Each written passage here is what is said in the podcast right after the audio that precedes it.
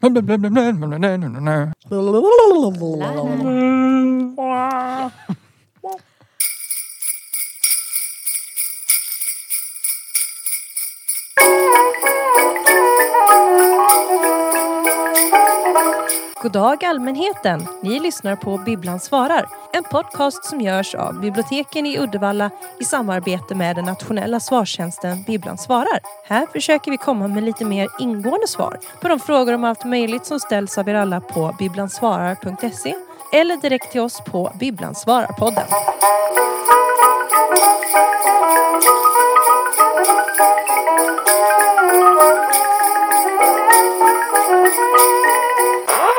Hej och välkomna till det här julspecialen av Bibblan svarar-podden. Wee! Jag heter Andrea Haglund och med mig har jag Emilia Djurberg Kvillén. Hej hej! Hej! Och Anton Joling. Hallå! Eh, Tobias har vi inte här idag. Nej. För han är lite sjuk. Stackarn. Ja, så kan det vara. Det är de tiderna vi är i nu. Mm. Så, eh, men det... Jag fick komma tillbaka! Ja, Emilia får komma Way! tillbaka! Yay! Emilia!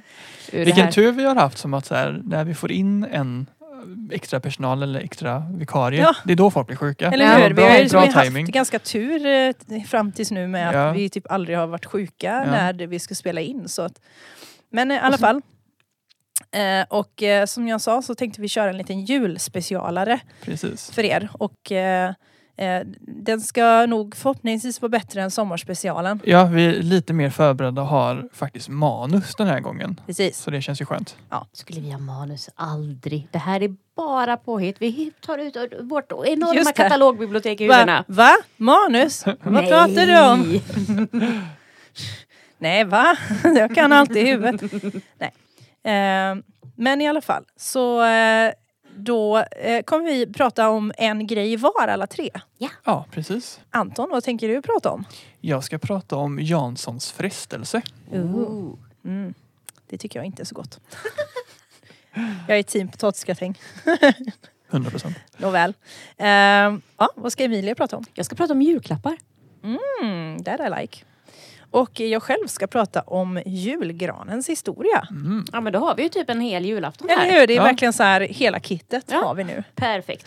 Den, den heliga treenigheten av julafton. Janssons, klappar och gran. Japp, Perfekt. japp.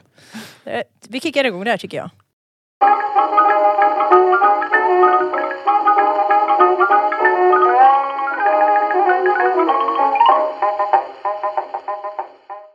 Jag ska då försöka besvara frågan Vem kom på Janssons frestelse? Låt mig gissa, han heter Jansson. Nej, faktiskt inte. Nej! Eller ehm, kanske. Vi, vi, vi kommer fram till det. Okej. Ehm, och Janssons frestelse är ju en riktig klassiker på, på julbordet nu. Mhm. Eh, jag har kollat lite undersökningar och eh, ofta så blir Janssons bara slagen av julskinkan när svenskarna ska ranka liksom vad som är viktigast på julbordet. Okej. Mm. Eh, men vad tycker ni liksom om Janssons frestelse? Är det bra, bra eller anus? Ja, alltså jag har ju redan spoilat lite grann att jag inte gillar Janssons. Alltså jag har svårt, jag, jag har svårt för den här, är det, är det sardeller eller är det? Ansjovis. Ansjovis är det. Nej, alltså, nej. Jag gillar inte. Nej, men jag gillar Jansson så. Jag har inte så här, det har växt på mig desto äldre jag blir så jag tänker att det är en av de här vuxengrejerna Ja, på det ju julbordet. säkert. Det kan det ju faktiskt vara. För jag är också där liksom. Nej, inte, inte Janssons. Sen så har jag inte smakat på det på väldigt länge så jag kanske får, får ge det en chans Ja. faktiskt. Mm. Jag tror jag testade det förra julen. Ja. Jag bara, Ja, du, var, ju- du var ju ganska vuxen då så du Ja, jag kanske var ju har... det. Ja, Nästan jag- vuxen. Ja precis, när blir man vuxen? It's, it's only in the mind. Ålder är bara en siffra. Nej, eh, nej men alltså. Nej, jag, jag planerar att ta med en vanlig potatisgratäng på julbordet ja, det är ju istället. För att slippa eh, känna den där ansjovissmaken. Nej, det får jag nog hålla med om. Jag käkar också hellre potatisgratängen. Mm. Men för att, att laga en Janssons i alla fall så ska man varva potatis, gul lök och ansjovis i en form. Mm. Översta lagret ska vara potatis och sen så häller man på grädde och ansjovisspad. Strö över ströbröd och klickar på smör. Ja men eller hur? Men ansjovisspad. Ja. Ja. Men det Sexigt här låter det. Ja men det ger speciell smak och jag menar spa är aldrig kul förutom om man ska gå till, åka till ett spa. Ha!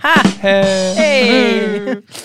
Men Nu nej. ser jag bara massa ansjovisar som typ chillar i en bubbelpool och grejer.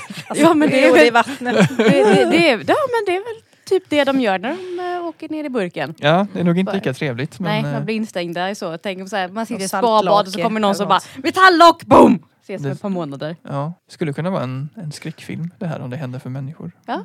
I alla fall. Eh, namnet eh, Janssons frestelse dyker upp på 30-talet ungefär. Eh, men det finns varianter av den här rätten nedskrivna i äldre kokböcker från åtminstone 1840-talet. Oh. Men då har den namnet ansjovisgratäng eh, eller ansjovislåda. Mm. Eh, och då är det ofta att, det är, att man har i ägg istället för potatis. Och då istället så då är det ansjovis och äggstanning typ. Ja, typ. Nog omelett. Och då blir det mer som Ja, men en, mer eh, som en omelett eller som en paj, typ. Ja.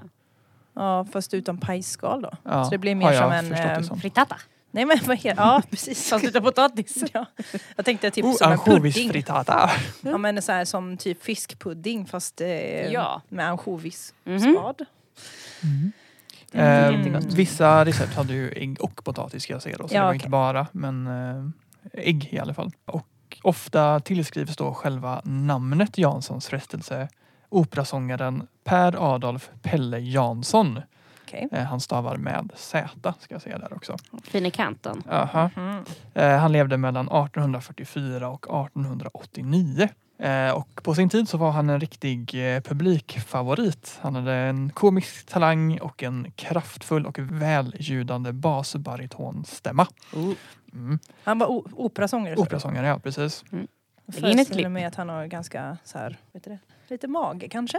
Ja, jag har faktiskt bara sett en eh, porträttbild på Ja. honom så jag kan inte uttala mig om eh, Nej, nej, hur okej. magen ser ut. Jag bara tänkte så här. Men han såg eh, rejäl ut i alla ja, fall. ja, men det var det jag såg framför mig också. Speciellt ifall det har något med mat att göra. Ja. Jag kommer komma till det sen. Ja. Men precis, han var väldigt uppskattad för sin, för sin stämma. Även ifall han, han liksom hade ingen formell utbildning så han ansågs ju liksom brista lite grann i sin skolning. Mm. Och han blev populär tack vare hans goda artikulation och parlando. Vad är det? Ja, jag var också tvungen att kolla upp det. Parlando. Eh, det är ett talliknande sätt att sjunga med en stavelse på varje ton. Typ en ramsa-liknande form av snabb sång med välformulerat uttal och intonation i strikt enlighet med rytmen. Det som är absolut ingenting.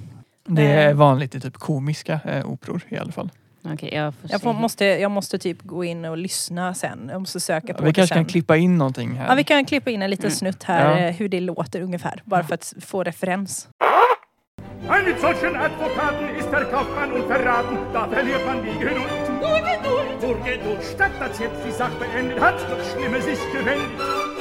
Und daran ist er nur schuld. Så, nu vet ni hur det låter. Ehm, han har också en väldigt eh, temperamentsfull komik. Eh, och så står det att han hade en från alla elevskoleregler frigjort agerande.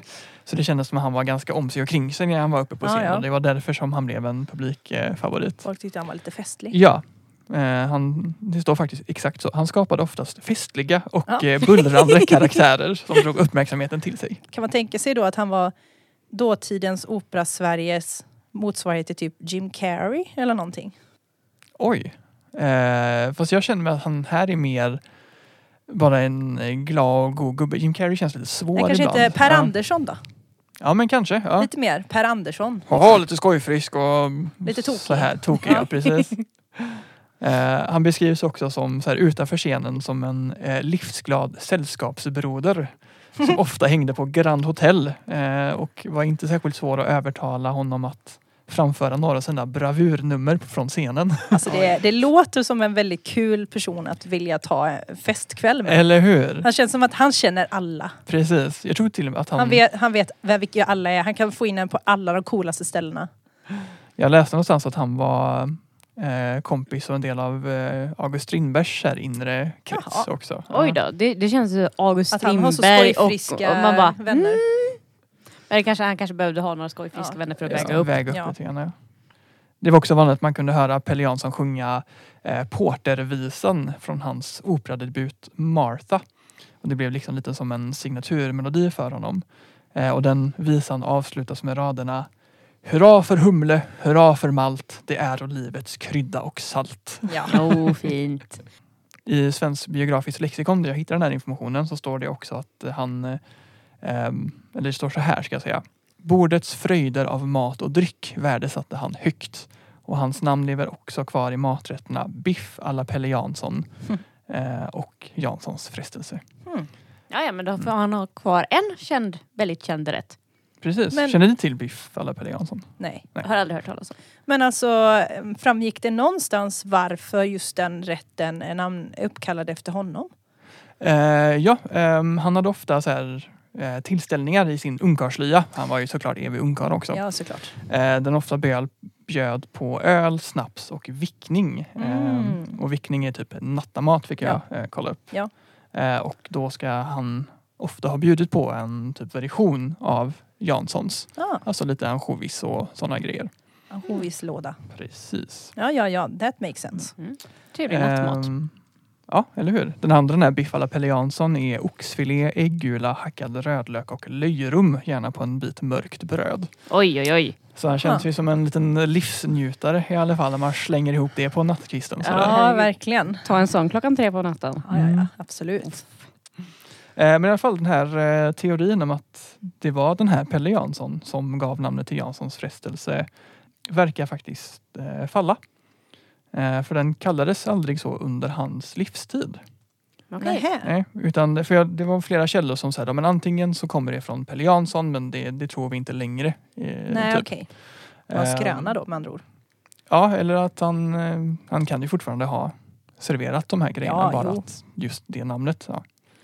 Ehm, för det var faktiskt typ 40 år senare på 1930-talet som namnet Janssons frestelse dök upp. Mm. Eh, och jag har läst på flera olika källor som hänvisar till Svenska Gastronomiska Akademin Oh. och deras gastronomisk kalender 1989 som ger en annan förklaring på namnet Janssons frestelse. Jag har tyvärr inte kunnat hitta ett originalkälla men det har varit så många andra som har pekat på den här så jag utgår från att det, att det faktiskt står så i den. Mm. Enligt dem så kom namnet till så att en fru Elvira Stigmark boendes på Östermalm i Stockholm hade bjudning och lät då kokerskan fru Sofie Paulin Brogården döpa ansjovisgratängen till Janssons frestelse. Eh, och anledningen till det här är att den här Östermalmsfruns favoritskådespelare Edvin Adolfsson hade huvudrollen i en ny film som hette just Janssons frestelse. Jo, men det här känner jag igen. Jag tror jag har hört det någon gång faktiskt. Mm. Mm. Eh, och jag har inte sett den här filmen eh, men på filmtipset.se så kan man läsa det här om den. Eh, Baron Casimir von Werner på Werner. Fan, jag vill lite grann läsa den som eh, du vet sån här Journalfilm. journalfilm. Baron Casimir von Werner på Värnholmen processar med den unge storborden Gunnar Jansson på Eklunda gård om ett vattenfall på gränsen mellan ägorna. För baronen är det extra viktigt att vinna processen eftersom att han är svårt skuldsatt. När baronens dotter Inga kommer hem efter att ha studerat i Frankrike blir hon snart intresserad av storborden, faderns ärkerival. Oh. Wow, vilken eh, hit här. Så Den tror vi kanske går på bio igen känner jag. Ja, eller någonting. Eller en ny jul, julfilm. Mm, Om den är inspirerad till Janssons frestelse Det så kan- kanske just det blir den nya Ja. julfilmen. absolut. Jag kan- tänker om typ Ivanhoe kan bli eh, nyårsfilmen så kan väl lika gärna Janssons jag, frestelse tänkte, jag bli... tänkte på typ Kan du vissla Johanna som typ är också Ja, tradition att titta på på jul som absolut inte har någonting med jul att göra. Japp. Men det ska man ha. Eh, Men vissa källor jag läste säger också då att ehm, fru Elvira Stigmark just hade varit och sett på just den här filmen då med sina väninnor. Och att de senare gick hem till henne för lite vickning där de bjöd på varm smörgås med kokt potatis, ett ägg och två korslagda ansjovisfiléer. Och att den rätten då fick namn, namnet Janssons frestelse efter filmen som de precis hade sett. Mm. Eh, Jag tycker också det var lite oklart eh, om det är fru Elvira eller kokerskan Sofie Paulin Brogården som kom på det här namnet. Ehm, Men det var väl fru Elvira som tyckte om filmen. Ja, fast jag vet inte om, om det nu var så här, åh de såg på filmen och så skulle de servera den här ansjovisgratängen Ja, det eller vad det så. var. Och så tyckte frun så här, åh det här är så tråkigt att bara skriva typ ansjovislåda. Kom på Haha, någonting vi, annat. vi är lite fyndiga nu. Ja, Kallar det så, Janssons frestelse. Precis Ja. som filmen. Ha! ja, precis. Eh, så jag, jag tror att det är fru Elvira men vissa källor så lät det som att det var kokerskan Sofie Paulin Brogården. Men vi kan då säga att Någon det så roligtvis var en kvinna. Och Precis. det är kul. Det är ju bra. Eh, och ehm, ehm, receptet med just namnet Janssons frestelse ska ha publicerats för första gången på 40-talet. Ja. Så då är det inte så långt kvar tills Janssons uh, firar 100 år. Nej, just det. Då får vi ta stort firande. Då måste alla äta det och det är obligatoriskt. Även för oss som inte tycker om Janssons frestelse måste äta det. Du kanske har hunnit bli vuxen då? Ja, precis. Nu är jag typ, vad blir jag då? Nästan 60 eller något. Ja, men då, då tror jag du kan äta Ja, ansjovis. kanske. Då kanske jag har tappat smaklöken eller något. Jag vet inte. Ehm, och ett av de första tillfällena då Janssons frestelse räknas som julmat är i en julmatsbilaga till tidningen Femina 1966. Och då räknar man upp olika recept på, på just julmat, bland annat sillsallad, inlagd sill, hemlagade leverpastejer, revbensspjäll, lutfisk, julskinka samt även Janssons frestelse. Eh, och när man tittar på olika förslag på julmiddagar under slutet av 60 och 70-talet så förekommer Janssons frestelse inte sällan i de här uppräkningarna. Och redan 1978 kunde man få Janssons frestelse och köttbullar på ett gammeldags julbord i Stockholm. Mm. Så typ 20 år efter det kom till så räknades det som gammeldags. Intressant. Eh, Men om vi ska sammanfatta då så kan jag säga att det är svårt att säga liksom vem som kom på maträtten Janssons frestelse eftersom den har förekommit i olika former och namn eh, sedan mitten av 1800-talet. Men namnet Janssons frestelse på maträtten kom antagligen runt 1928 då när den här filmen med samma namn hade premiär. Spännande. Eh, och som en lite så här bonus eh, avslutning eh, så är det den här fisken som vi kallar för ansjovis. Eh, Ja. Som vi lägger i konserver som är jäst och beredd med kryddor. Ja. Det är egentligen fisken skarpsill. Jaha. Eh, som på latin har det fantastiska namnet Sprattus sprattus. Åh vilket underbart! Det är som picka picka. Ja. Pika, pika. Eh, och sen så finns det då också en Slings, faktisk fisk som heter som heter ansjovis, Ja. alltså en äkta ansjovis. Mm. Med det lite mer svårare latinska namnet Engraulis encrasicolus. Okej. Mm. Eh, och den, när den säljs i Sverige inlagd i salt och kryddor och olja så heter den sardell. Ja men älskar det svenska köket. Vi gör det så lätt för oss. Men varför, varför gör de så Ja, här? Det, det gör är bra. Snälla skicka in, kära lyssnare, man- skicka in en fråga på det här så att vi kan få ett bra svar på det.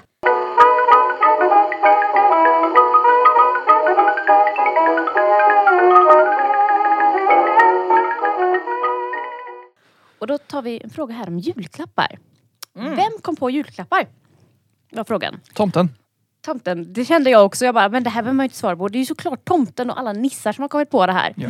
Men eh, tyvärr var det inte så. Så om det är några barn som lyssnar, tomten finns. Tomten Ja. gör alla julklappar. Ja, Nej, Och så kan- nissarna gör alla julklappar. ja Ja. faktiskt. Och, men Tomten tomten delar ut dem. Ja, och Ja. sätter en sån här stämpel på att okej och Den är så, fin ja, och den, den är är fin. bra. Jättebra och Nu checkar av listan. Ät Men Nu, alla barn- nu, nu väntar vi två sekunder så de kan gå och lägga sig. Ja. Gå och lägga. Godnatt! Eller... Hej då! Hej då! Gå ut och Vi lek ses nästa snön. gång. Lyssna på nästa avsnitt. Det blir mycket bättre. Ja. Hej då! Bye! Är de borta? Ja. Jag tror det. Ja, vad bra. Då är det så här då med julen och julklappar. Eh, de, vi vet inte vem som kom med julklapparna. Det finns inte några så här att säga att den här personen kom på julklappen. Nej. Och eh, enligt jultraditioner.se så står det så här. Eh, Eftersom julen är en tradition som kommer från kristendomen så tror man att det ursprunget till nutidens julklappar kommer ifrån gåvorna de tre vise männen skänkte till Jesus födelse. Mhm.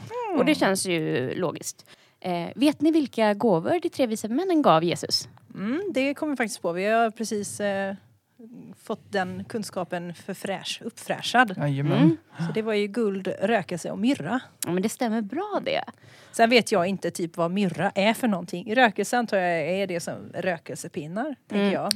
Men, Myrra är väl lite... ehm, Jag tänkte att det var någonting väldoftande men jag kan blanda ihop det med rökelsen som gör det. Nu letar vi fakta Nu ska vi se. Eh, myrra är en typ av kåda. Eh, Just det. Som, ett typ av träslag. Eh, som har ett väldigt komplicerat namn som jag inte tänker försöka uttala.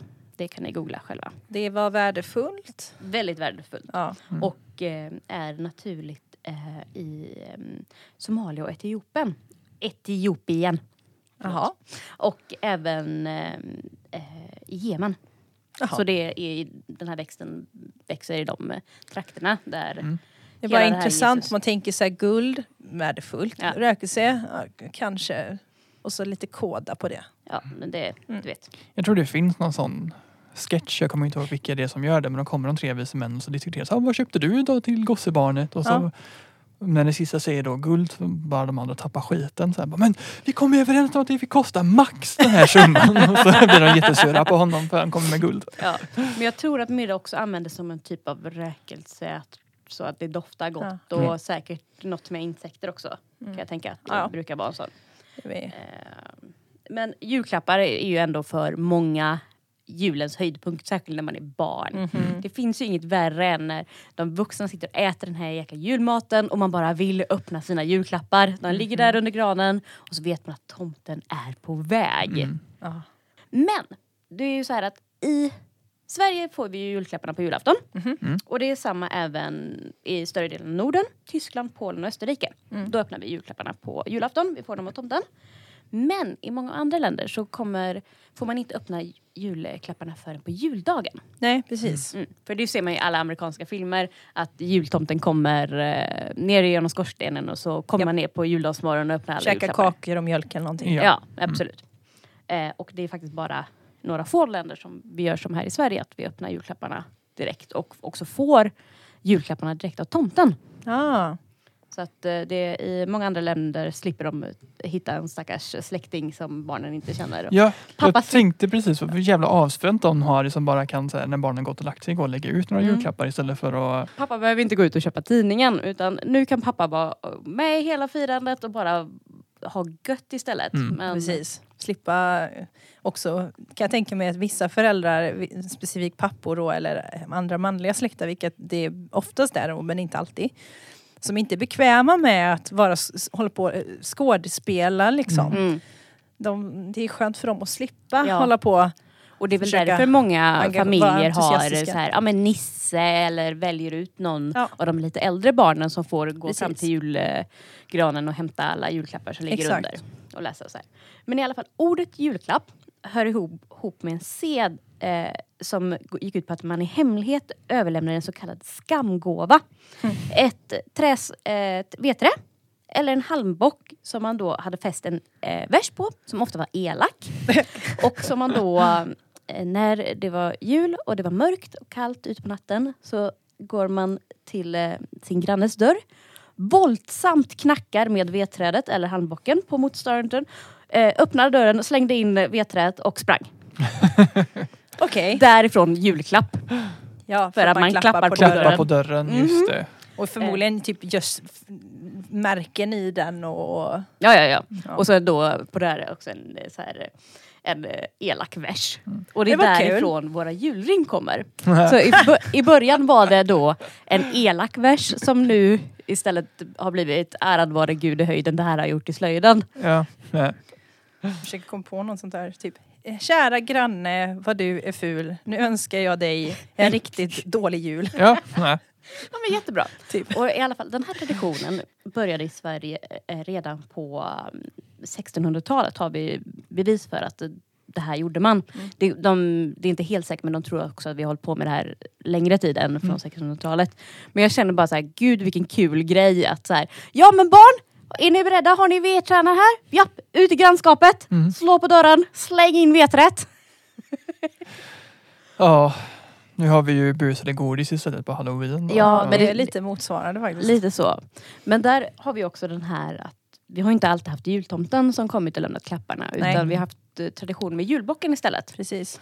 Och jag har inte hittat några riktigt bra källor på det här men att man då när man skulle ge den här skamgåvan då ville maskera sig så att man inte avslöjade vem man var och att man då Mm. hade en mask. Ofta då av en bock. Det låter ju ganska vettigt ifall det är verkligen är grannen som man går till. Ja. Eh, Så, bara, "Ey, jag känner igen dig. Nej, jag är Ja. Nej, nej, julbock." Nej, nej. Jag, jag känner inte alls dig Mm. Nils. Så att, men jag kunde som sagt inte hitta en bra källa på det här. Jag Nej. ska göra lite mer eh, research på det här så ser vi om vi hittar det. Mhm. Eh, men vid eh, 1700-talet började man också i de högre samhällsklasserna ge varandra julklappar Okej. i form av illgåvor. Ja, det är fortfarande elaka Det är grejer. fortfarande Ja. elaka, elaka, elaka grejer som är så här. Men så småningom smälte julgåvosedlarna samman till vår ny, nutida gåvosedel. Eh, att givmildhet och man ska ge bra gåvor är ändå relativt nytt. Jag tänker det är den första som så här gav en snäll gåva. Man har packat ihop, gjort det fint och så börjar jag med att ge till Andreas. Så här, bara, Åh nej men Mm. rökelse, vad glad jag blir. Mm. så här, och man nöjd- väldigt nöjd med sig själv. Så ska du lämna över så här. Ja, jag har ju bara den här med och så öppnar man så är det typ koskit eller någonting Ja. sånt där. Ja. Men vad kul, jag, va? jag, jag kan ju ändå Jaha. tänka att, så här, att få ett vedträ, särskilt i dessa tider, hade ju varit ganska uppskattat. jag menar, då får vi lite värme så och länge så. man har Ja, något att elda det i så är det ju bra. Och, eh, I dagens samhälle så lägger vi väldigt stor omsorg på vad vi ger varandra i julklapp och många tänker Mm. på det. Och det är också många arbetsgivare som ger sina, sin personal julklappar och så här. Att nu är det ett väldigt fint och trevligt inslag Mm. i vårt kommersialistiska samhälle medan det började med att basically ett skämt. Mm. Och vara lite så här elak mot sin granne. Men vad kul då om våran chef kommer och kastar vedträn med så här elaka rim mot oss då. Istället för att få det här presentkortet eller vad vi brukar få. Ja, ja men precis. Men i alla fall, det är lite roligt när man tänker på att julklappar som idag bringar så stor glädje till alla barn började som ett elakt skämt. Mm. Eh,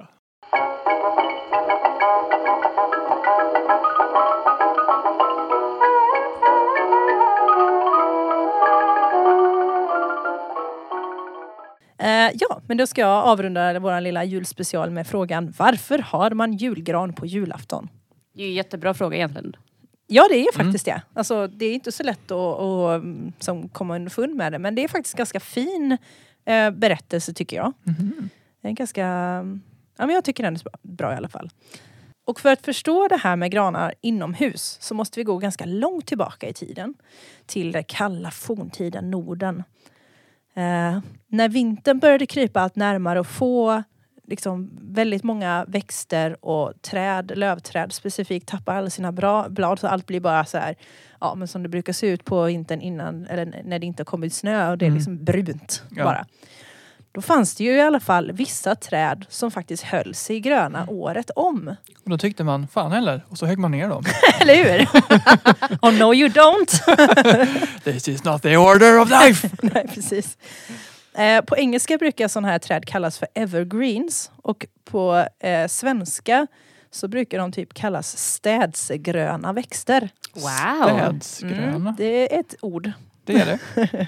Städsegröna växter. Det vill säga granar. Ja. För att jag var inne och tittade på så här, vad är städsegröna växter egentligen? Eller evergreens. Och det är framförallt, men ljung är en sån. För ljungplantor eh, håller sig gröna. Eh, blommorna lossnar ju men själva plantan är fortfarande grön. Mm. Och det finns lite sådana eh, andra växter som håller sig gröna. Men granar är liksom det trädet egentligen som eh, det och, och tallarna, liksom, den typen av växter som Mm. håller sig gröna. Barrträd. Barrträd, ja. Mm.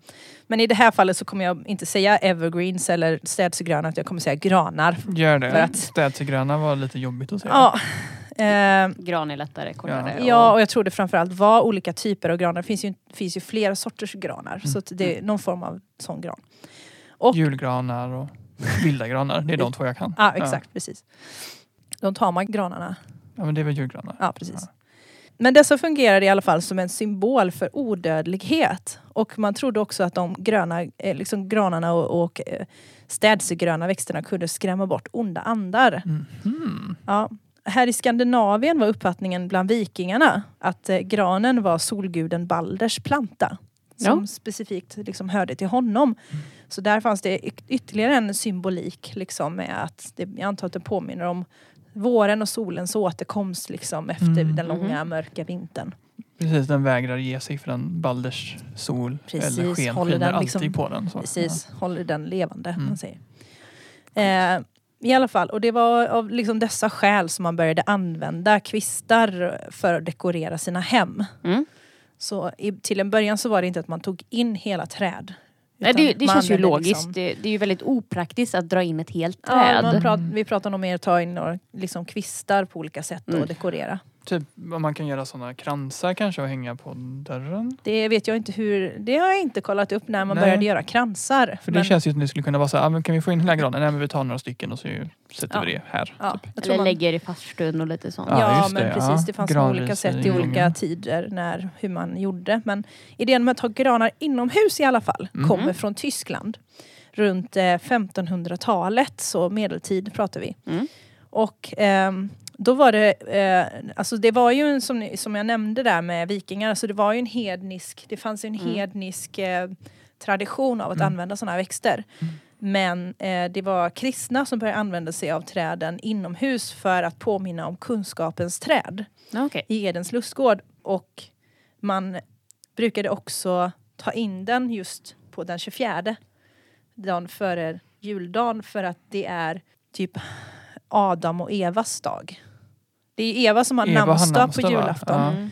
Men det är liksom den dagen traditionellt sett då förr var liksom Känns inte det lite Eh. elakt? Så här, du Eva, kommer du ihåg när du fördömde mänskligheten? Nu sätter vi det här trädet så du ska komma ihåg det. det. Ja.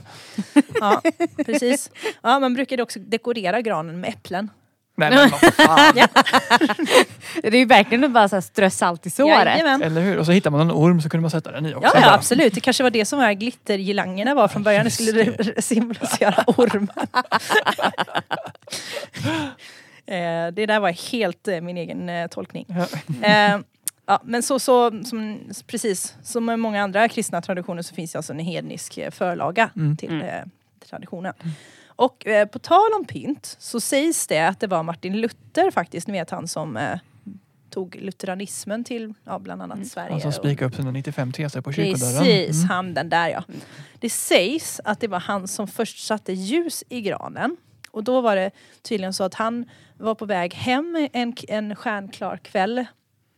Och han tittade upp liksom mot eh, stjärnhimlen och då kunde han se stjärnorna, hur de liksom glittrade mellan grenarna i granarna som han passerade och tyckte det var så himla vackert. Så han soni, helt sonika då högg ner granen, släpade hem den och sen satte levande ljus för han ville visa sin familj typ hur vackert det var. Det här är mer av en sägen än faktiskt Ja, fakta. Det känns inte riktigt som hans stil, att han ville ta bort all krimskrams kring Mm. kristendomen. Alltså är det sola fide? Är det bara, bara bibeln eller bara tron eller någonting Ja, men sånt där? sånt där är det ju. Så Ja. att han ska dekorera saker känns lite... Precis. Ja. Så det, är den, den, eh, det är väl eh, inte alla som är överens om att det stämmer kan man säga. Jag tycker också om den här Oh how pretty, I will kill it and drag it home. ja, Men känns inte det lite som mänskligheten överhuvudtaget? Ja, okej att, då, oh, fair enough." wow, söt eller vacker eller någonting. Låt mig döda det och stoppa upp det. Ja, precis. Eller ta en in vacker gran den vill jag ta in och sen ska jag se, titta på den när den dör långsamt. bar efter bar. Ja. Men i Sverige då, då förekom det att man eh, ställde eh, avkvistade granar, så man tog bort grenarna på eh, granarna ner till men man sparade liksom Toppen bara. ruskan i Jaha. toppen om man säger. jag trodde man bara hade en stam. Nej, det Men ser Men då väldigt blir det som tråkigt ut. Petssons julafton. Just det. Ja. Petson kan ju inte gå ut och skaffa en gran för Nej, han han skadar snickra en foten. gran. Han snick- snickrar en gran istället. Men i alla fall, man sparade toppen Ja. på, eh, på granen och sen så ställde man eh, de här avkvistade granarna på liksom vardera sida om ytterdörren på utsidan då. Eh, eller eh, utanför, eh, framför gården, typ. Och det var just för att, eh, precis som i de hedniska tiderna så trodde man att Nej, det var delvis för att visa att nu är det julefriden har inträtt. Liksom så här. Mm. Nu är det jul. Men också för att skydda mot onda andar. Så man, det var ju liksom en... Vi var ju, hade ju en tid där liksom vi både var ett, det var både ett kristet och väldigt så rättroget land men samtidigt så hade vi mycket hednisk folktro och liknande. Ja, det är ju bara Kvar. som att typ alla, men alla troll och skrymt och allting är ju rädda för kristna Exakt. symboler liksom. Så de har Exakt. ju existerat hand i hand. Mm. Men då funkar alltså de här granarna som någon typ av portvakt in till gården då? Ja men typ som att eh, nu, här innanför kan inte något ont komma nu. Nej. nu för nu är det julefrid här. Ja, okej. Ja. Det låter ju ändå trevligt. Ja eller hur. Och eh, Eh, sen spred sig då modet med att ha en eh, gran inomhus från Tyskland hit. Och den första kända klädda granen i Sverige fanns 1741 i Sörmland. I familjen Vrede Sparres hus. Och då Bra var det, namn. va? Bra namn. Ja, Eller bra namn. Vrede med W också. Ja. Vredesparre. Ja, och då var det grevinnan Vredesparre har nämligen i skrift beskrivit hur familjen firat jul med ett stort träd prytt med ljus, äpplen och saffranskringlor. Men så där var gud vad gött. Så det är den första så här bekräftade förekomsten av eh, inomhusträd om man Mm. säger på jul. Mm. Och så småningom så letade sig granarna in i folks hem från herrgårdar. För det började liksom på, i finrummen om man Mm. säger de. Mm. Herrgårdar och grevs, alltså, ja, de är välbärgade. Och sen letade det sig gradvis neråt i samhällsskikten Mm. ända ut till liksom landsbygd och så. Det letar sig granvis neråt. Hej!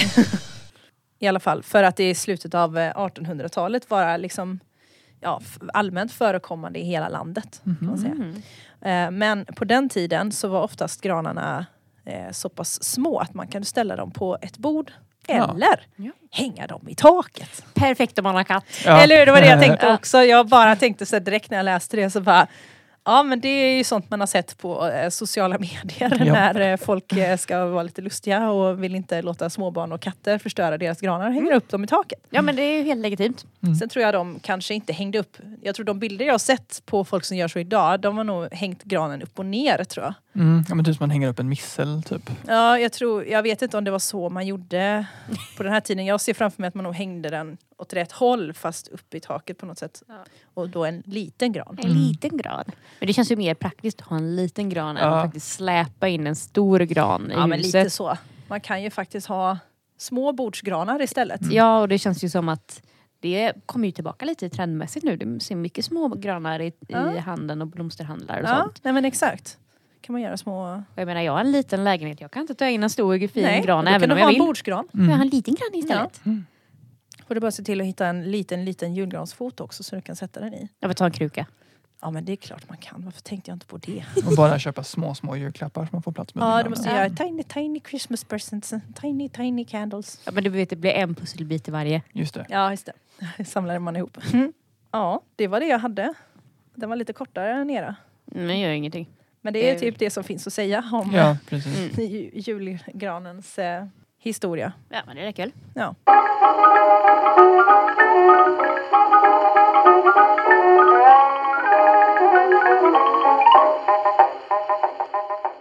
Så mina julfirande vänner, vad har vi lärt oss idag egentligen, Anton?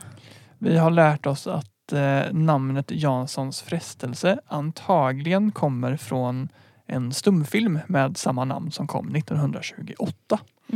Så inte från en korpulent Pelle Jansson Perre Jansson, som var operasångare. Precis. Är då lite tråkigt känner jag. Det hade varit lite kul om han hade...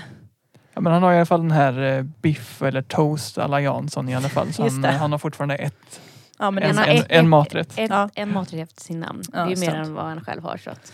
ja, precis. Inte än i alla fall. Mm, jag vet aldrig. Ja, vad eh, tar vi med oss från eh, din prat då, Emilia? Jo, att våra fina julklappar började som ett, en skamgåva och ett elakt skämt. Ett prank helt En enkelt. prank. Ja. Mm. Mm. Så kunde det vara. Och vad har vi lärt oss av dig Andrea? Det kan man undra. Nej, men eh, vi, har, vi har lärt oss att eh, man hade granar eh, först ute och, i skogen och sen eh, ute runt huset och sen inne. Helt enkelt. För Just att eh, ja, de var av olika skäl Mm. kan man säga. Bland annat för att skydda mot onda andar. Trevligt.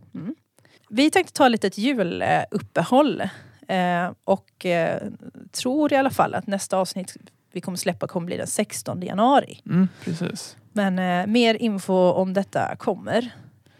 Så det återstår väl egentligen bara för oss att önska er en eh, god helg. Om Ja. vi ska vara så här icke placerat, alla ska fira jul. Ja, just det. Men vi kan önska er en god jul och en god helg. Vi önskar er en god jul och en god helg. Ja, precis. Det gör vi. Så eh, hörs vi nästa år. Det gör vi. Ja, God jul och god helg! Och gott nytt år! Ja! Hej då! Hej då! Hej! Har du också en fråga om precis vad som helst? I så fall får du gärna mejla oss på bibblansvararpodden gmail.com eller på våra sociala medier så att vi kan ta upp den i framtida avsnitt. Vill du vara helt säker på att få ett svar på din fråga kan du gå in på bibblansvarar.se och ställa den där. Om du gör det kommer du att få ett väl underbyggt svar och kanske kommer vi så småningom att utveckla svaret i podden. Du har lyssnat på Bibblan svarar, en podcast som görs av biblioteken i Uddevalla i samarbete med den nationella svartjänsten Bibblan svarar.